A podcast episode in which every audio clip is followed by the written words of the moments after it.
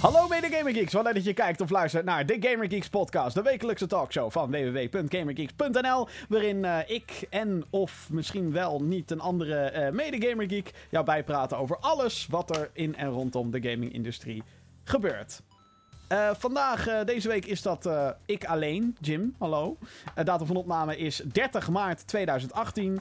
En het is vlak voor het paasweekend. En nou wil het zo dat ik um, andere verplichtingen heb dit weekend. En dat ik dan niet een andere co-host kon vinden. Kortom, ik doe het gewoon even in mijn eentje. Dat betekent dat het een iets kortere show wordt. Maar er is wel genoeg om over te praten. Dus um, ja, dat komt helemaal goed. Ik ga het natuurlijk hebben over uh, nieuws van de afgelopen week. Ik heb Far Cry 5 gespeeld, daar ga ik het zo meteen even over hebben. Uh, de PlayStation Plus line-up van aankomende maand en de Xbox Live Games with Gold line-up, die zijn beide bekendgemaakt. Uh, dus er komen natuurlijk wat releases aan. Ik ga de mailbox weer openen. Podcast@gamergeeks.nl als jij een, een vraag hebt voor de show. 24 uur per dag, 7 dagen per week is die mailbox beschikbaar voor al jouw kwesties die je besproken wil hebben in deze podcast. Goed, hoe gaat het? Ja, het gaat best goed eigenlijk. Vorige week heb ik, uh, ben ik begonnen aan een reeks aan nieuwe games. Uh, noem een Kirby Star Allies uh, op de Nintendo Switch, die ik best wel leuk vind. Wel heel erg makkelijk, maar goed, het is een Kirby game, dus de. A Way Out zijn ik en Vincent aan het spelen. We zijn richting het einde, maar we moeten nog net even, denk ik, een uurtje of anderhalf uh, ervoor gaan. Vorige week hebben we uitgebreid besproken wat die game betekent voor co-op. Ik denk heel erg veel. Sea of Thieves heb ik weer wat meer zitten spelen. En um, dat blijft toch wel een interessant spelletje, dat Sea of Thieves. Um, sterker nog, uh, de podcast die stream ik altijd live. En um, vlak voor het opnemen van deze show uh, heb ik uh, dus nog even een uurtje of anderhalf toch nog even Sea of Thieves gestreamd. En het is een game die je normaal met meerdere mensen moet spelen. Je bent een piraat in een open wereld. Ark, matey, lekker piratie. Uh, schatkisten zoeken, skeletten vermoorden en geld binnenharken voor mooiere zeilen. Dat is eigenlijk ook het een beetje, beetje waar, wat het doel is. Er is niet echt een doel in het spel. Hoeft natuurlijk ook niet altijd, maar ja, goed. Ik, ik vind dat er in Sea of Thieves echt wel meer content uh, moet zitten dan wat er nu aangeboden is. Ik bedoel, als je die game in de Microsoft Store wil kopen, dan... Ja, op de PC althans, dan kost je dat 70 euro. Dat vind ik echt vind het bizar dat ze eigenlijk veel geld vragen. Maar goed, um, ik heb dus een beetje zitten spelen, een beetje zitten rondvaren. Kistje hier, kippetje vangen daar, skeletje slachten hier. Op een gegeven moment krijg je dan, dan, dan heb je zoiets van, oké, ik ben klaar. Ik ga terug naar een outpost en daar lever ik al mijn dingen in. Daar waar je dan dat geld ontvangt voor de dingen die je inlevert. Daar, bij zo'n outpost. En ik denk, nou weet je, en ik vond ineens, vond ik nog een, uh, een andere quest erbij. En toen dacht ik, oké, interessant. Wat moeten we hiermee? Kan ik hier wat mee? En het was een quest waarin ik kennelijk vier skeletpiraten-kapiteinen moest afslachten. Nou, dat uh, is best lastig, maar whatever. Ik hou wel van een uitdaging. Dus wat doe ik? Ik vaar naar dat desbetreffende eiland en de fucking game bugt gewoon. Er is gewoon... Ik ga naar het eiland toe, je bent in een lekkere sfeer, weet je. Je zit gewoon in, in die piratensfeer. En dan kom je aan en dan gebeurt er gewoon niks. Er gebeurt gewoon helemaal niks. En daar was afgelopen week ook nog wat controverse over, omdat... Uh, nou, daar kom ik zo meteen allemaal terug. Want ik heb nog een tweet gekregen van iemand die, uh, die daarover uh, over heeft lopen klagen. Uh, dan moet ik het hebben over een game... Ja, hoe moet je dit in godsnaam gaan omschrijven? Um, ja, Super Seducer heet het. Ik ben vorige week aan de slag gegaan met Super Seducer. En het was een unieke situatie, want... Um, ik heb een, uh, een, een, een, een, vrouwelijke vriend. Een vriendin noemen mensen dat ook wel. Maar als je vriendin zegt, dan denken mensen meteen... Ah, nee, een, een vriendin. En daar speel ik wel eens games mee. Soms doen we hele foute dingen. Soms gaan we horror games spelen, ondanks dat we er allebei niet tegen kunnen. En uh, nu dachten we, laten wij dat Super Seducer eens proberen. En voor degene die niet weet wat Super Seducer is... Super Seducer is een uh, game, tussen aanhalingstekens... En in die game speel jij, uh, nou ja, speel je als. Er is in ieder geval een of andere pick-up artist. Zo uh, noemt hij dat. Uh, zo noemt hij zichzelf. hij weet hoe die vrouwen moet verleiden. Althans, dat zegt hij. En in dat spel ga je dus verschillende scenario's langs. bijvoorbeeld een meisje die je willekeurig overdag op straat tegenkomt. Of een, een meisje die in de club staat te dansen. En dan krijg je dus op basis van een filmpje Je krijgt gewoon een video te zien met die pick-up artist guru, gast, verleidingsguru uh, in de hoofdrol natuurlijk. Krijg je een keuze voorgeschoteld. Dus het is alsof je een soort Fallout keuzegesprek aangaat. En um, sommige keuzes zijn natuurlijk gewoon, dat is dan zogenaamd de manier om vrouwen te versieren. Of dat echt zo is, is nog maar de vraag. Uh, en andere keuzes zijn echt fucking bizar. Dat zou je nooit fucking doen. Weet je wel? Niemand zou dat met, met een normaal hoofd en normale gedachten zou dat doen. Dus ik ging dat spel, tussen aanhalingstekens, ging ik spelen met, met die vriendin van mij. En wij gaan, gaan natuurlijk voor de meest slechte keuzes die er zijn. De allerslechtste keuzes. Ik dacht, dat wordt hilarisch, dat wordt super grappig. Dat, we gaan ons helemaal kapot lachen. Misschien een biertje erbij doen. Hartstikke leuk. Melig. Alleen, wat mij dus verbaasde, is hoe fucking saai Super Seducer is. Er is heel veel controverse over die game geweest. Van, oh, het is zo verschrikkelijk en het is zo kut, want oh, het zet vrouwen als objecten neer. Blablabla. Is ook wel een beetje zo en in die zin is het ook heel erg stereotypisch allemaal. Maar, ja, het is gewoon saai. En dat had ik nooit verwacht. Niet van, een, niet van een spel waarin je in een club kan zeggen... Als je een meisje benadert, doe een twerk attack. Dan zou je denken dat de meest slechte en melige shit eruit zou komen. Maar dat doet het niet. Ik was daar zwaar, zwaar, zwaar teleurgesteld in, kan ik je zeggen. Pardon. Dat was echt. Nou ja, ik vond, ik, vond, ik vond het gewoon heel opvallend. Het is um, niet eens de controverse die het heeft gehad, is het het waard. Het ging zo erg het internet over dat Sony zelfs op een gegeven moment zei... Sony zei, we gaan deze game niet meer op de PlayStation Store uh, doen hoor. Want uh, nee, dat willen we niet hebben. Vond ik fucking bizar. Echt, what the fuck. Waarom? ja, het zet vrouwen als... Het, althans, het, het, het gaat ervan uit dat alle vrouwen vallen voor dezelfde versiertrucjes. Is natuurlijk niet zo. Maar hoe zit het dan met al die fucking dating simulators? Weet je wel, dat is gewoon... Ja, ik... Uh, ik vind het bizar. Dat dat, uh, dat, dat, dat daar Super Seducer. Ik, had, ik, ik ben ook oprecht teleurgesteld erin. Ik dacht echt, dit wordt melig, dit wordt grappig. Helaas, ging hem niet worden. Een ander dingetje wat ik nog heb gedaan, waar ik het nog over wil hebben, is... Um, ik ben uh, gisteren, op het moment van opname, gisteravond... naar Ready Player One gegaan. En uh, Ready Player One is een film gebaseerd op een boek. Uh, het boek heet ook Ready Player One. Ik heb het boek niet gelezen.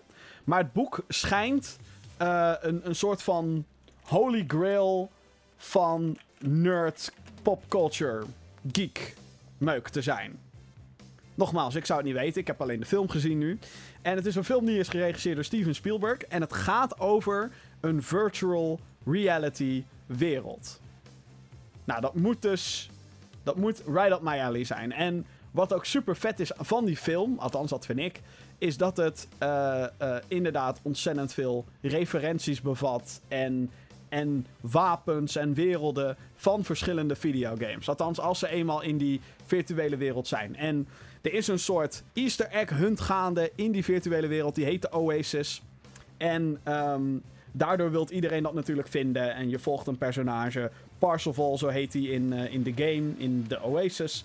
Um, die gaat ook op jacht naar de drie sleutels.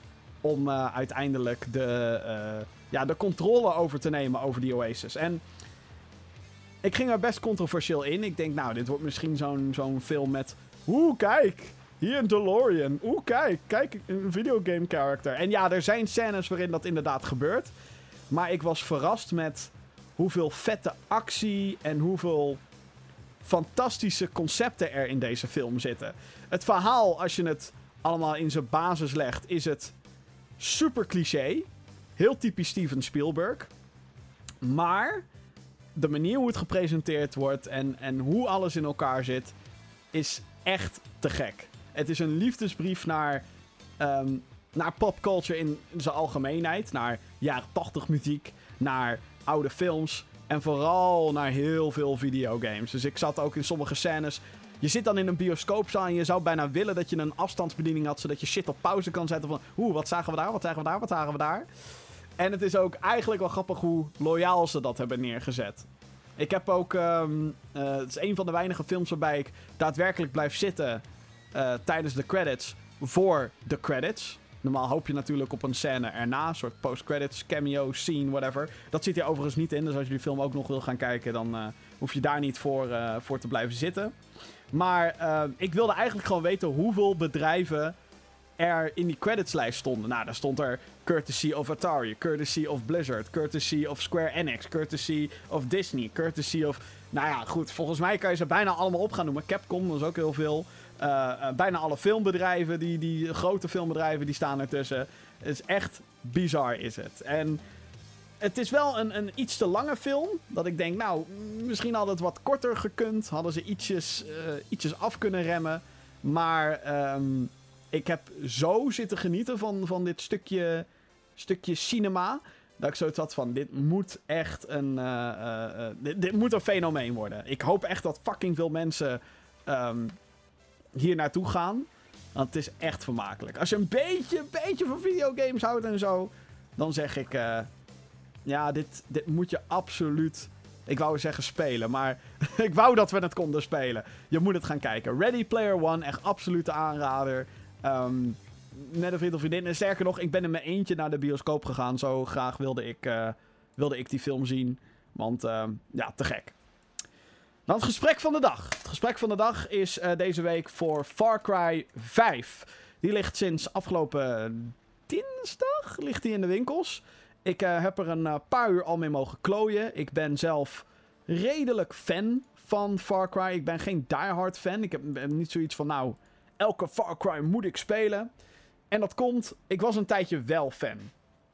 Ik eh, vond eh, Far Cry 1 vond ik leuk voor wat het was. Far Cry 2 vond ik toffe concepten hebben. Maar dacht ik, hmm, sommige werken niet heel lekker. Eh, Far Cry 2 vond zich bijvoorbeeld plaats in een safari. En ehm, je had er allerlei verschillende kaartjes en companions en, en gasten waar je, waar je, waar je, die je hulp konden aanbieden. En ehm, wat ik eh, me nog heel goed kan herinneren is dat je dan echt een pokkenend ging rijden. Dat je dan random mensen tegenkwam. Je wapen kon vastzetten, eh, vastzitten. Jammen. Je kon last hebben van malaria. Dat, dat weet ik me nog allemaal te herinneren van de tweede game. En ik kan me nog herinneren dat als je dan aan het rondrijden was, je moest pokkenver rijden. Dan kwam je een random groepje soldaten in een paar auto's tegen. Die knalden jou dood en dan moest je weer helemaal overnieuw gaan beginnen. Althans, qua dat pokken en rijden. Dat vond ik altijd heel kut. Goed, toen kwam Far Cry 3. En ik denk dat we het er allemaal over eens kunnen zijn dat Far Cry 3 wel een beetje de Far Cry-serie veranderde. Toen werd het echt, echt populair. Dat kwam onder andere door Vaas, een van de beste videogame villains ooit. En dat kwam ook door, door de manier hoe die first-person shooter zijn open wereld neerzette. Je kon eh, beesten slachten en dan vervolgens skinnen voor crafting. Uh, je had sowieso een hele memorabele bad guy, Vaas. Maar ook de controls en de setting en de graphics. Dat klopte gewoon heel erg voor toen. En Far Cry 3 is al vijf jaar oud, by the way. Dat is echt... Dat gaat best hard de tijd. uh, als, je er, als je er zo vanuit gaat. Daar was ik echt super fan van, Far Cry 3. Gaan we naar Far Cry 4. Ubisoft wist op dat moment dat ze een hit in hun handen hadden. Alleen um, is het zo dat ze dan met 4 een beetje de herhaling ingingen. Sterker nog, Ubisoft had een formule bedacht. Dat was de zogenaamde Ubisoft-formule. En daar gingen ze hard op. Denk hierbij aan de torens waar je in bijna elke Ubisoft-game een aantal jaar in moest gaan klimmen om, um, om, om hoe heet het, om, om je map te kunnen unlocken. Of, of fucking, wat is het nog meer? De, nou, het craften bijvoorbeeld, dat beesten slachten en dan vervolgens dat je dan je, je, je inventory kon uitbreiden. Dat zat dan ook vervolgens ook in elke game. En, allerlei stomme zijmissies en gimmicks, dat bleef maar terugkomen. En dat is niet heel erg, maar het werd te veel. En ik merkte bij Far Cry 4 vooral dat ze, uh, dat ze dat concept echt. Ze gingen het gewoon herhalen. En ik um, speelde Far Cry 4 en ik dacht.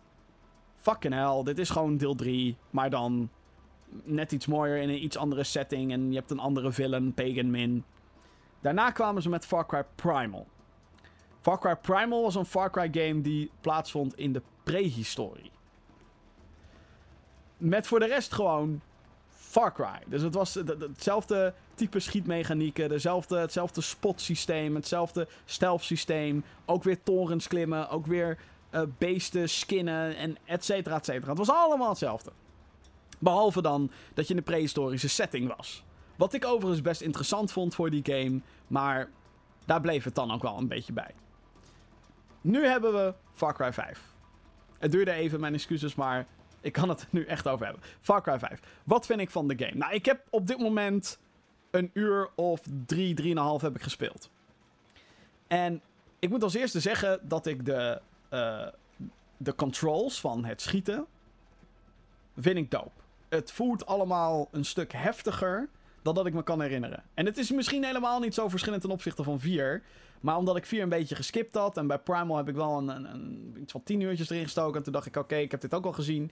Uh, misschien ben ik ook wel weer klaar voor een nieuwe Far Cry. Heb ik gewoon een paar jaar niks, gewoon niks daarvan gedaan. En wil ik er nu weer gewoon eentje. En uh, dus het schieten voelt lekker. De omgeving is dit keer een Amerikaanse staat.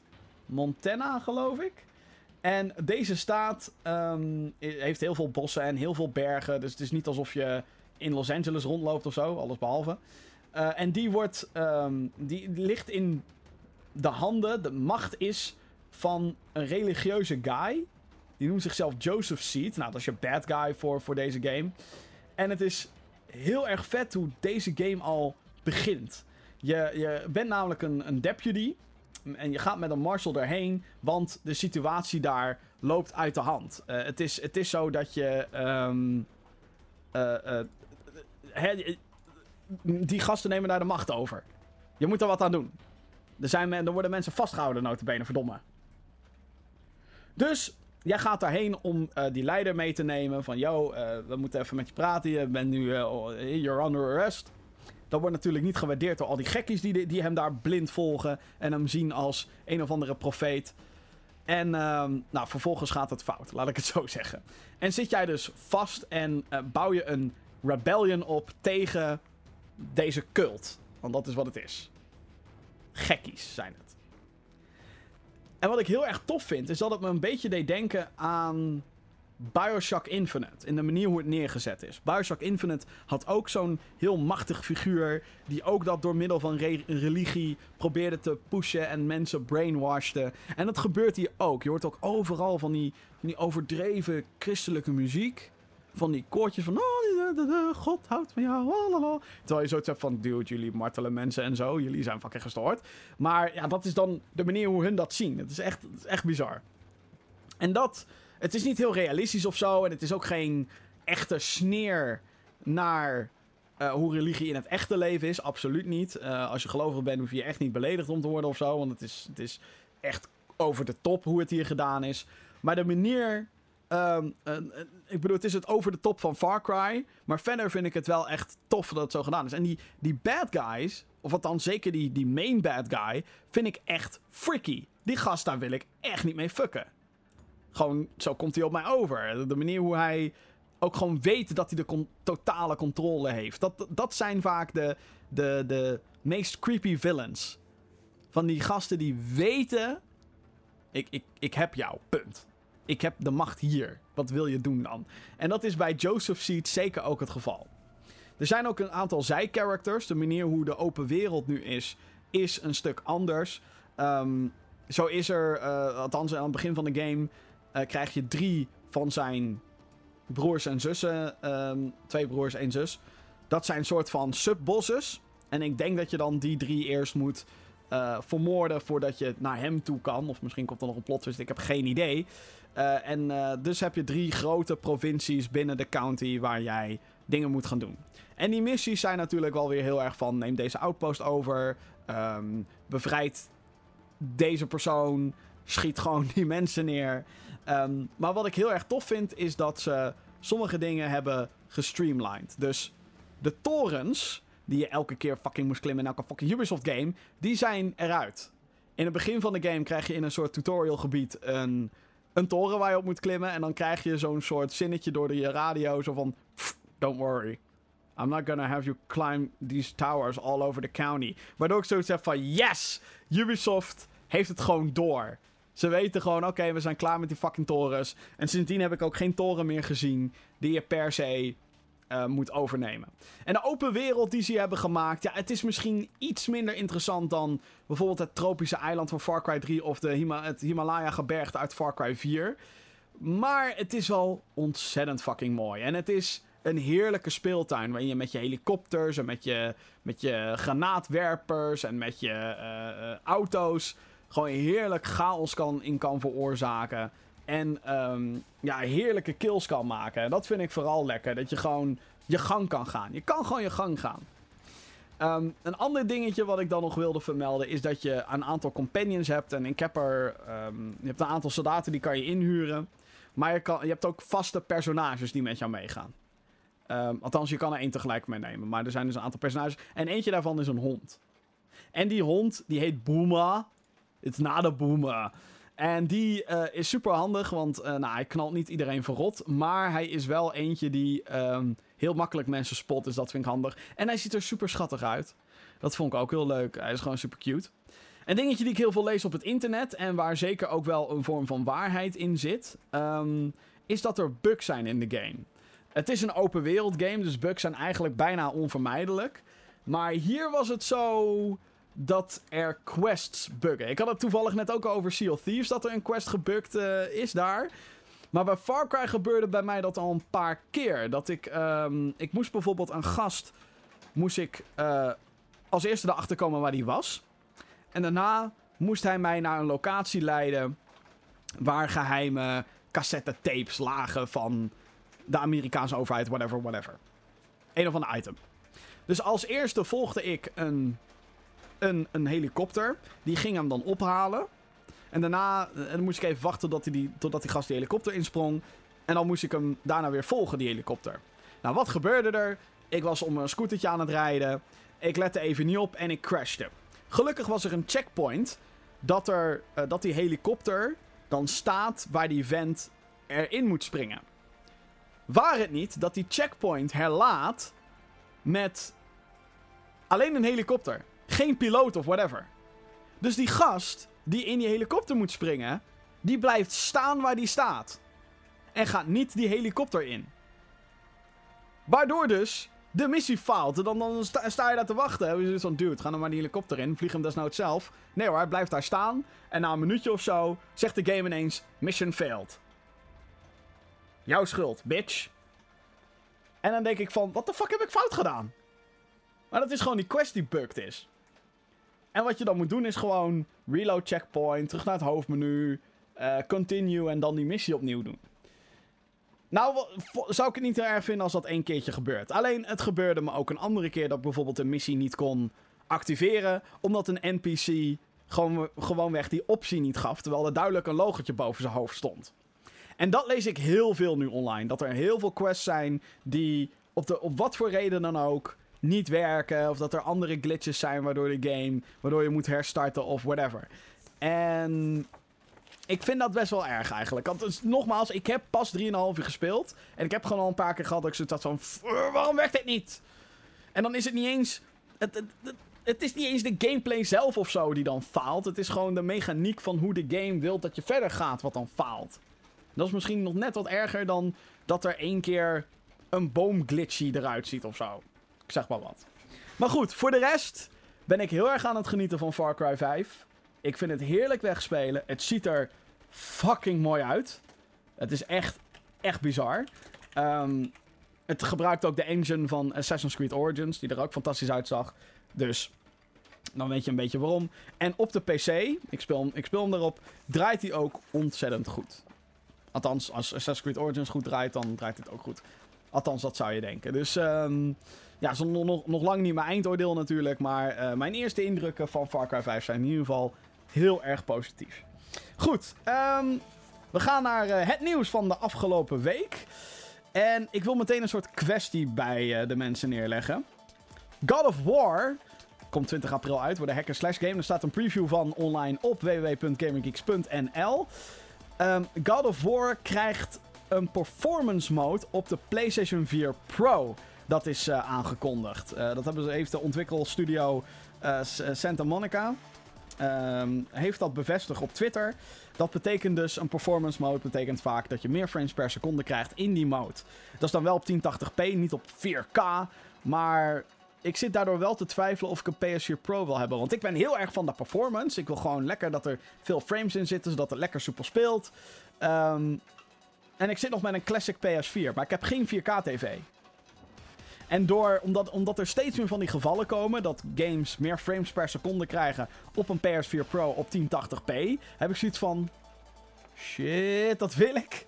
Shadow of the Colossus had het ook al bijvoorbeeld. En God of War krijgt het ook. Of het echt op 60 fps gaat draaien, dat weet ik niet. Dat is nog maar de vraag. Dat werd ook nog niet echt bevestigd. No Man's Sky, daar is nieuws over. Ja, ken je die game nog? Dat was een van de meest overhyped games aller tijden. Zou het allerbeste, allermooiste, allervetste ooit worden. Dat werd het niet. Het releasede buggy. Het releasede met heel weinig content. Het was boring as fuck. Tegenwoordig zijn er wat updates uitgekomen. ehm, waardoor de game schijnbaar echt veel beter is geworden. Bugs zijn eruit. eh, je kan nu basissen bouwen. Er zijn nu landvoertuigen. Oftewel, ze doen er eh, best wel wat aan om die game nu goed te krijgen. Ik heb zoiets van, shit, dat had je moeten doen voordat je hem uitbracht. Maar goed, eh, daar komt een nieuwe update aan. Die heet Next. En hij komt naar de Xbox One. Wat dus een beetje de exclusiviteit op PC en PS4 weghaalt. Dus eh, Xbox gamers, zet je schrap. No Man's Sky komt eraan. Yay.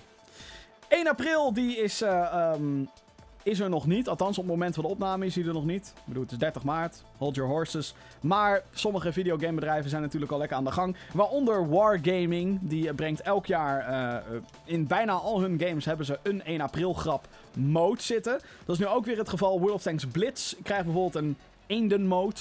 Ducklings. Gaan met eenden vechten. En eh, World of Warships krijgt een World of Space Warships update. Sterker nog, die is al live op het moment dat ik dit zeg. Ehm, die blijft volgens mij een hele maand staan. Dus tot eind april. En dat vind ik dus tof van Wargaming. Dat ze niet zomaar iets aankondigen en zeggen... Dit kondigen we aan. Terwijl iedereen weet dat het nep is.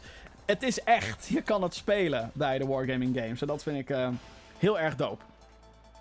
Dan, eh, oh ja, dit is te gek. Dit is echt te gek. De eerste gameplay is verschenen van Jurassic World Evolution. Dat is een game, ehm, nou ja, de, gebaseerd op de Jurassic Park en Jurassic World films. Deze zomer komt er een eh, nieuwe film aan. Jurassic World Fallen Kingdom heet die. Jurassic World Evolution is een parkbouwer. Waarin je dus je eigen Jurassic World moet gaan bouwen. Eh, de eerste gameplay is verschenen. Ziet er heel goed uit. Het wordt gemaakt door de gasten achter Planet eh, Coaster. Nou, dat is voor heel veel mensen is dat zeg maar de opvolger van Rollercoaster Tycoon. In plaats van de klote opvolgers van Rollercoaster Tycoon die we hebben gekregen. Ehm, ja, ik vind het heel vet. Het lijkt dezelfde, heel veel van dezelfde bouwmechanieken te hebben. eh, wat eh, cool is, want dat schijnt heel goed te werken. Eh, wat ik al zei, de game ziet er heel erg tof uit. En als je niet op de PC dit soort dingen wil spelen, het komt ook uit voor de Xbox One en de PS4. Wat ik tof vind. De release datum is ook bekendgemaakt. 12 juni komt Jurassic World Evolution dus uit op die drie platforms. Ook grappig dingetje, dit eh, meldde ik vorige week al, ehm, of twee weken terug al, eh, nee. Jeff Goldblum gaat erin spelen. Althans, die gaat waarschijnlijk jouw guide zijn. Deze nieuwe remastered... shit, ik maak de woordgrap over dat ik het... Een nieuwe remaster is aangekondigd. Eh, Red Faction Guerrilla Remastered is aangekondigd. Eh, maar dat maar-schapje komt dan van het feit dat de game zich plaatsvindt op de planeet Mars. Ehm, aangekondigd voor de PlayStation 4, Xbox One en de PC. Eh, en het bevat, eh, als het aan THQ Nordic, eh, volgens THQ Nordic, bevat het verbeterde graphics en een 4K-mode voor de consoles die dat natuurlijk ondersteunen. Het tweede kwartaal van 2018 moet dat gaan verschijnen. Ik vond Red Faction Guerrilla, in... Voor mij kwam die uit in 2008, dat is al 10 jaar geleden geloof ik. Is die game zo oud? Even, even, een snelle wiki-search. Ik vond die game heel leuk toen de tijd. Ehm, vooral omdat je daar gebouwen helemaal kapot kon maken. Eh, dat was toen natuurlijk een ding, die vorige generatie. 2009 is het trouwens. Dus 9 jaar oud is die game. Ook best oud. Ehm, ik vond hem toen heel erg leuk. Omdat het... ehm, ja, je kon gewoon alles kapot maken. Alle gebouwen. Het is wel een beetje alsof je een kartonnen doos de hele tijd in elkaar stampt. Maar heel leuk. Ik ben benieuwd of dat dus nog steeds leuk is. Of het nog steeds relevant is en zo. Goed nieuws voor degenen die nog een PlayStation VR willen kopen. En afgelopen Black Friday gemist hebben. Dat is al een paar maanden geleden. Maar toen was de PlayStation VR 250 of zo. De prijs van de virtual reality headset gaat naar beneden. Hij wordt nu standaard 299 euro. 300 euro dus. Dat maakt hem 100 euro goedkoper dan de um, vraagprijs zoals die was. Eerst was hij dus 400, nu 300. Um, waarom dit gebeurt? Waarschijnlijk zijn de componenten goedkoper te maken.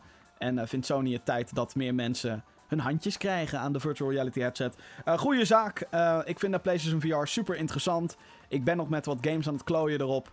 Um, het is niet een optimale VR-ervaring, alles behalve. Maar als je geïnteresseerd bent in VR, je wilt weten hoe het is, dan is dit toch wel de meest toegankelijke. Een Oculus Rift is al snel 200 euro duurder. En een Vive ook. Daar komt trouwens ook een uh, verbeterde versie van uit.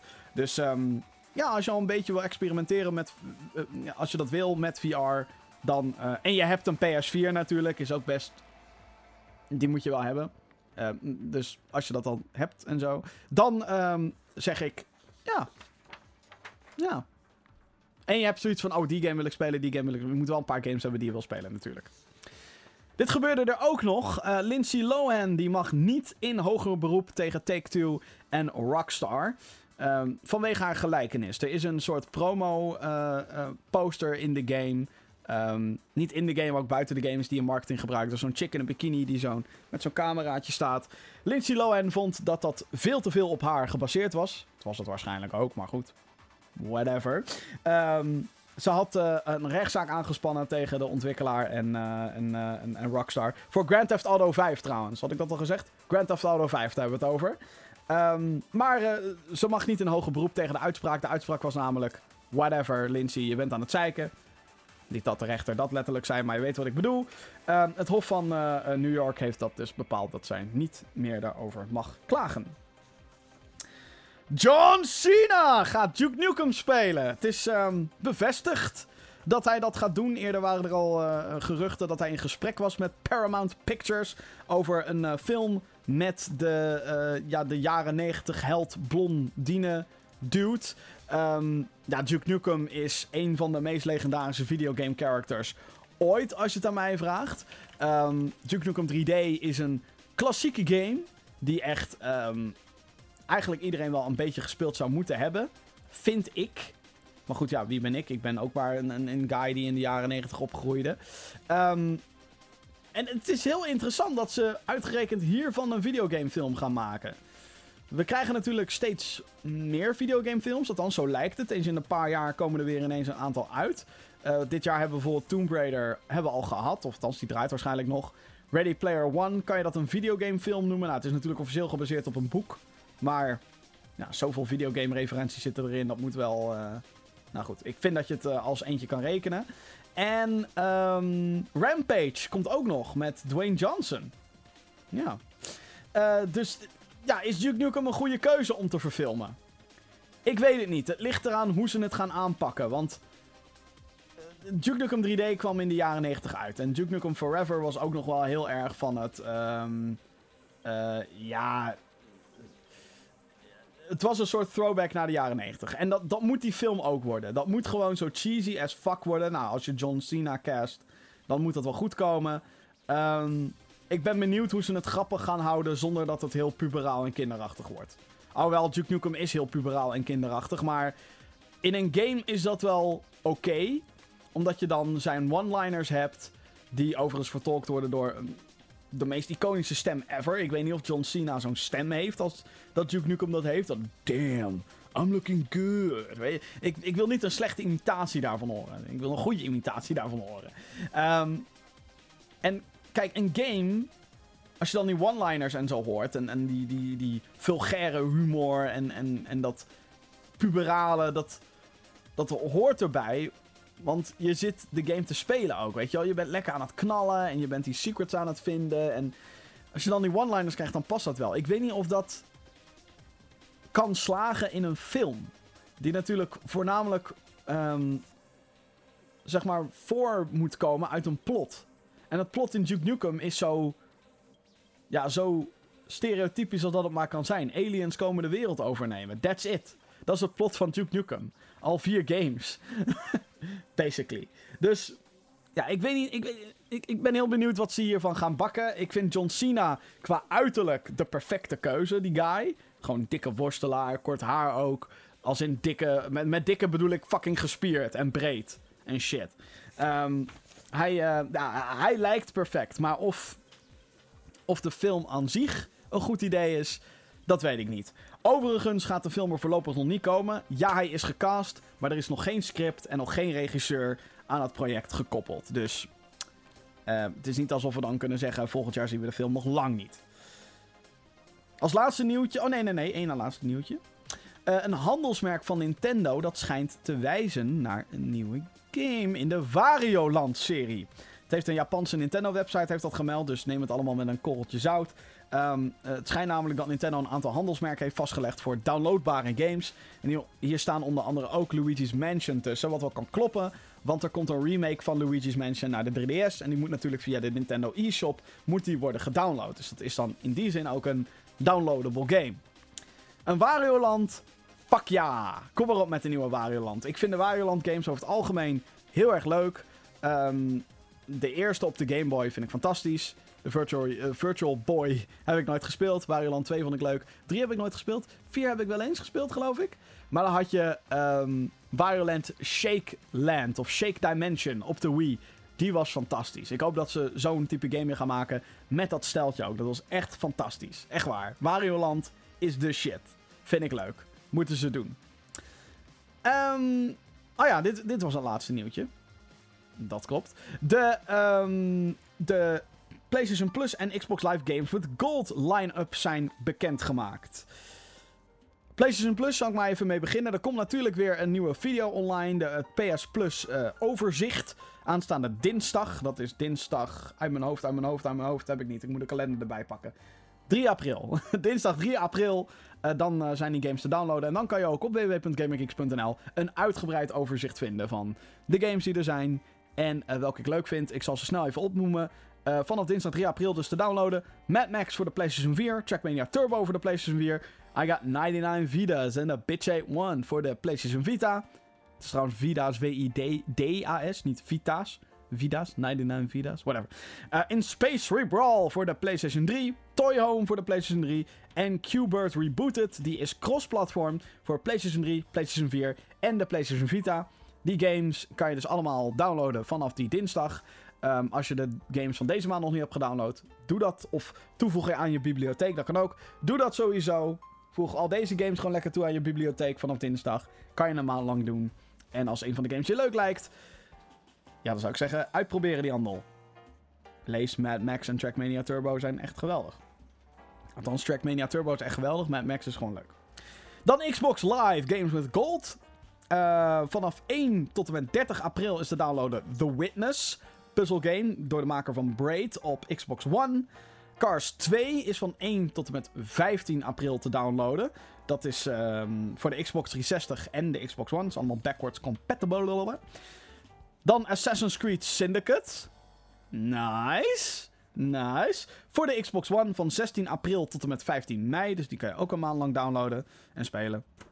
En Dead Space 2. Wow, pak even de game. Voor de Xbox 360 en de Xbox One. Ook van 16 april tot en met 5, uh, 15, sorry, 15 mei kan je die ook downloaden. Dus als je een Xbox Live Games of Gold account hebt. Ik weet niet of dat exact hetzelfde werkt als bij PlayStation. Maar ik ga er even vanuit van wel. Uh, toevoegen aan je bibliotheek, alles doen. Hoppakee, bam, gaan. Dan uh, ga ik naar de mailbox, uh, podcast.gaminggeeks.nl. Dat is het mailadres waar jij de hele week terecht kan voor al jouw vragen, kwesties, dingen die je in de show behandeld wil hebben. Um, eens even kijken. Allereerst kreeg ik een tweet, dat is wel leuk. Een tweet van Albert. Um, die zei suggestion, pros en cons van crossplay en eventueel toekomst van dit soort geintjes. Crossplay wordt natuurlijk steeds meer een ding. Um, in Fortnite, het, een van de populairste game van dit moment. Fortnite is echt uh, gigantisch. En die heeft een heel uitgebreid podcastplatform. Um, je kan, of een podcastplatform, zeg ik dat nou? Crossplay platform. Fucking hell. Uh, je kan namelijk met de PC-versie kan je spelen met Xbox spelers. Je kan spelen met PlayStation 4 spelers. En je kan spelen met de mobiele spelers. Op dit moment is dat alleen nog op de iPhone. En straks komt daar ook Android bij. Um, dus dat is te gek. Het enige wat nog niet kan, is um, Xbox en PlayStation 4 spelers die met elkaar spelen. Dat is nog onmogelijk. Waarom? Sony wil het niet. Um, super interessant, super vet. Want dan ben je niet meer gelimiteerd door het platform wat je speelt. Dus van, ah man, ik heb de PC-versie, fuck, we kunnen niet samenspelen, fuck. Dan natuurlijk nog niet elke game doet het. Het ligt er heel erg aan wat voor type game het is en, en, en wat de modi zijn en hoe de structuur in elkaar zit, et cetera, et cetera. Ehm, Fortnite heeft het heel uitgebreid.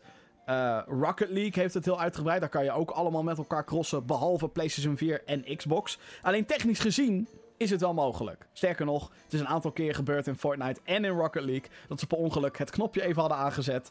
En dat PlayStation 4 en Xbox One spelers gewoon met elkaar aan het spelen waren. Dat ze daar een soort hadden van, kut, zet het uit! Klik, voordat Sony boos wordt. Um, het feit dat er een barrière wordt weggehaald, dat is te gek. Ik denk waar Albert op doet met de cons. Wat zijn de cons eigenlijk? Nou, ik bedoel, je zou zeggen alleen maar pro's. Iedereen kan met elkaar spelen. Perfect, harmonie, alles, rust, vrede.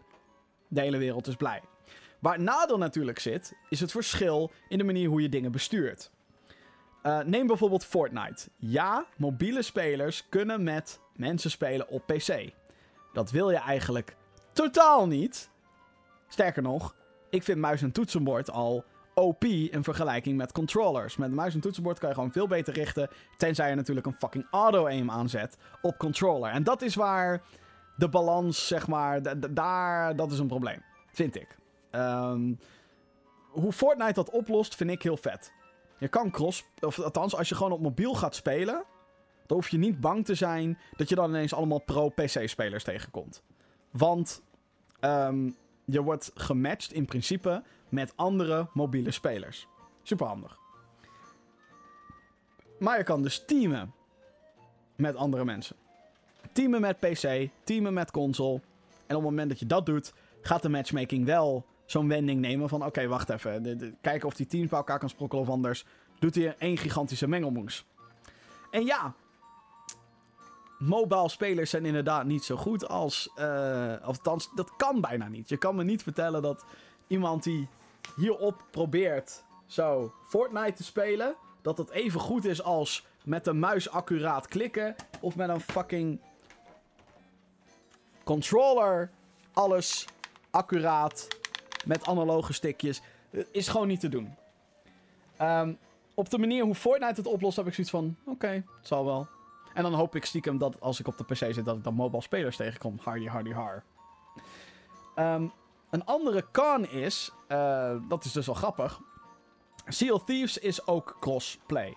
Als in tussen Xbox One en PC. En nu schijnt het dus zo te zijn dat hackers van de PC-versie, die dan een of andere cheat hack of zo kunnen doen, die komen dan natuurlijk ook in de Xbox-omgeving terecht. Daar waar consolespelers normaal gezien niet echt veel last hebben van.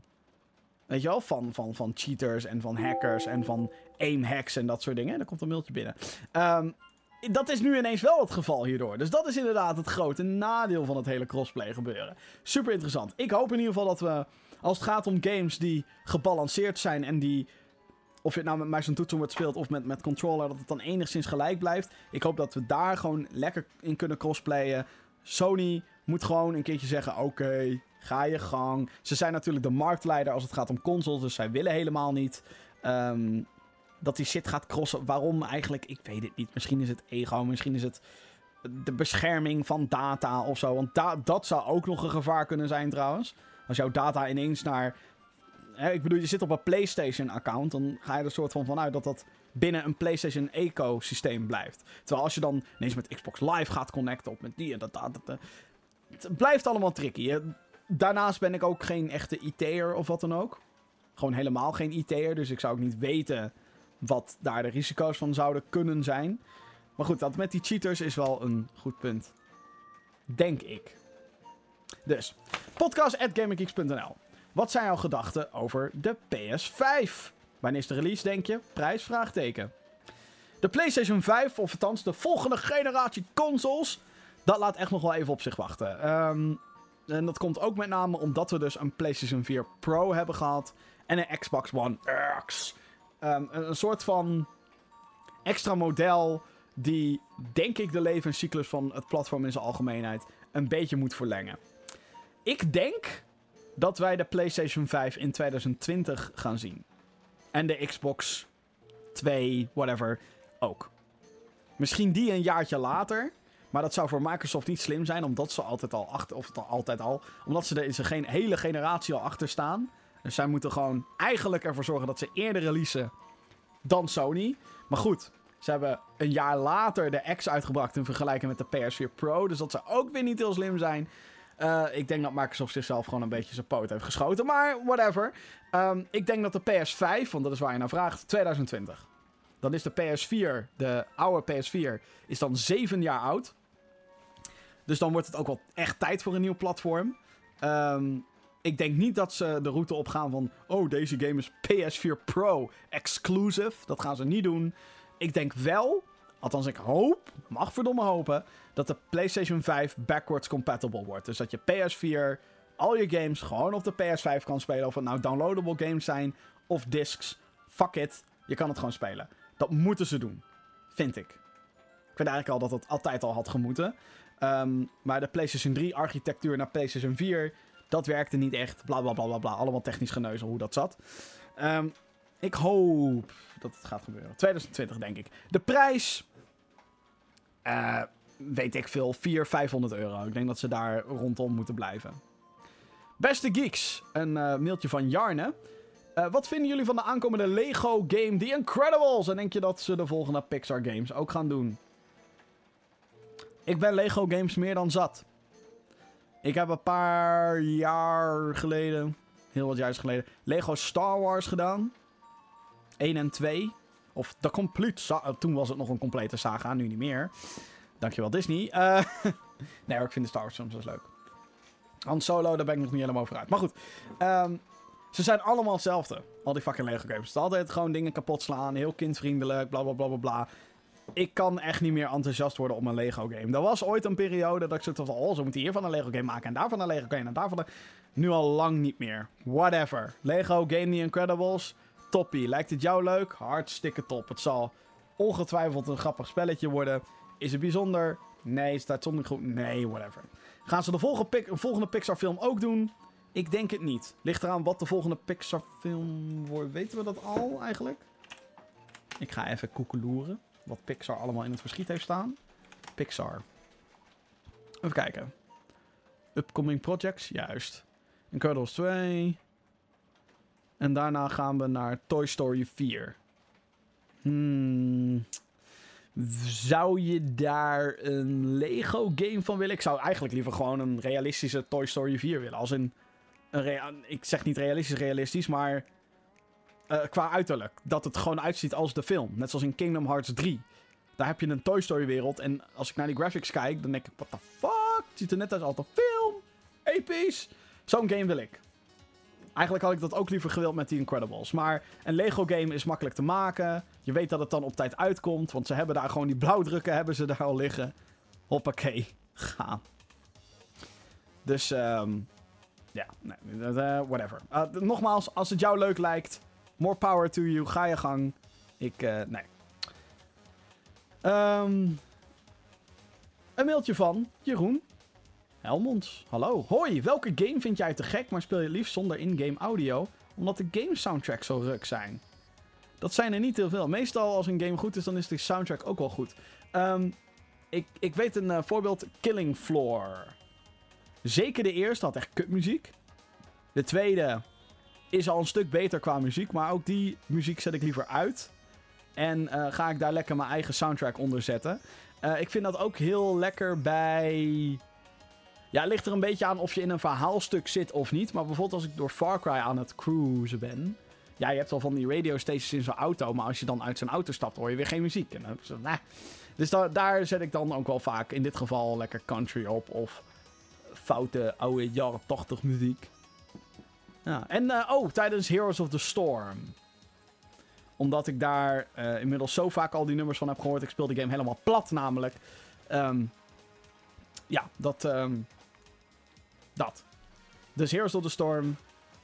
Uh, wat zei ik nou nog meer? Oh ja, Killing Floor. Hm. Maar dat is dan... Heroes of the Storm past dan eigenlijk niet in deze categorie, want die soundtrack is niet ruk. Ik heb het gewoon te vaak gehoord. En daardoor wordt het ruk. Um, hallo Gamergeeks. Ik ben Marvy Games.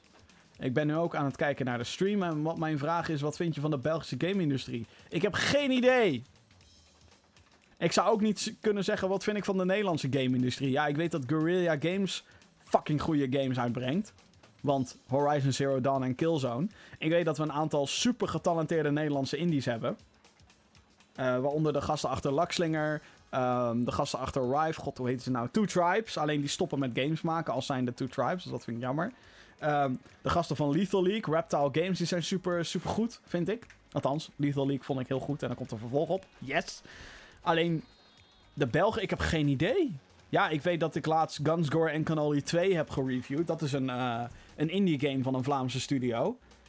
Maar voor de rest zou ik het echt niet weten. Is er een grote Belgische studio? Die echt, zeg maar, echt een prominente big-ass game heeft gemaakt. In Nederland hebben we ook... Uh, zijn die nog überhaupt? Die gasten achter Overlord. Die zaten volgens mij ook in... Uh, in Nederland. Overlord. Oh shit. Als ik dat op wiki ga zoeken, dan krijg ik iets heel anders. Uh, videogame. Triumph Studios, juist.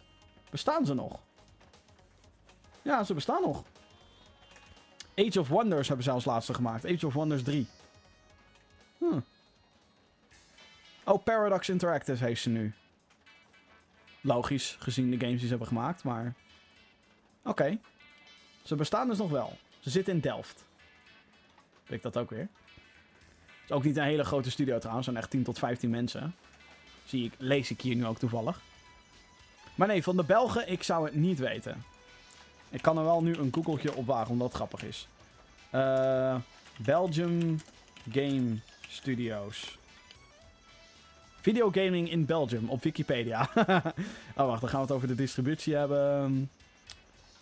Belgium's appearance in videogames. videogames based on Belgian works, die heb je wel. Hè, heel veel Belgische, um, hoe noem je dat? Uh, stripboeken. 13 was fantastisch. Even kijken, ik zie hier een lijst met Belgische indies. Of althans, Belgische studio's. En dan zie ik inderdaad indie games, indie games, indie games, indie games, indie games, indie games, indie games. Crazy Monkey Studios staat er onder andere tussen. Maar behalve Crazy Monkey Studios, die dus Gunscore en Cannoli heeft gemaakt, zie ik niet echt heel veel. Uh... Oh, hier. Games developed in Belgium. Outcast, Divine Divinity, de eerste. Divinity Original Sin? Is die door Belgen? Nice! Oké, laat maar zitten. Divinity Original Sin is dus van... Uh, is, uh, komt uit België. Gekke werk. Oké, ze hebben dus wel een grote hit.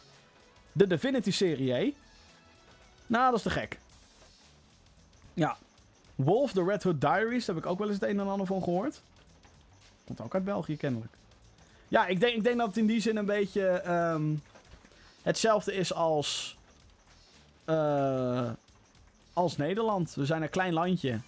We hebben één grote prominente studio. Nou ja, in dit geval is dat dan de studio achter de Divinity-reeks. En uh, wij hebben uh, Games. Dus uh, dat. Kwam er nou net een mailtje binnen of was dat fake? Was het een fake... Ik denk dat het fake was. Ik denk dat dat dit mailtje was over de Belgen. Ja, klopt. Dus uh, well done België.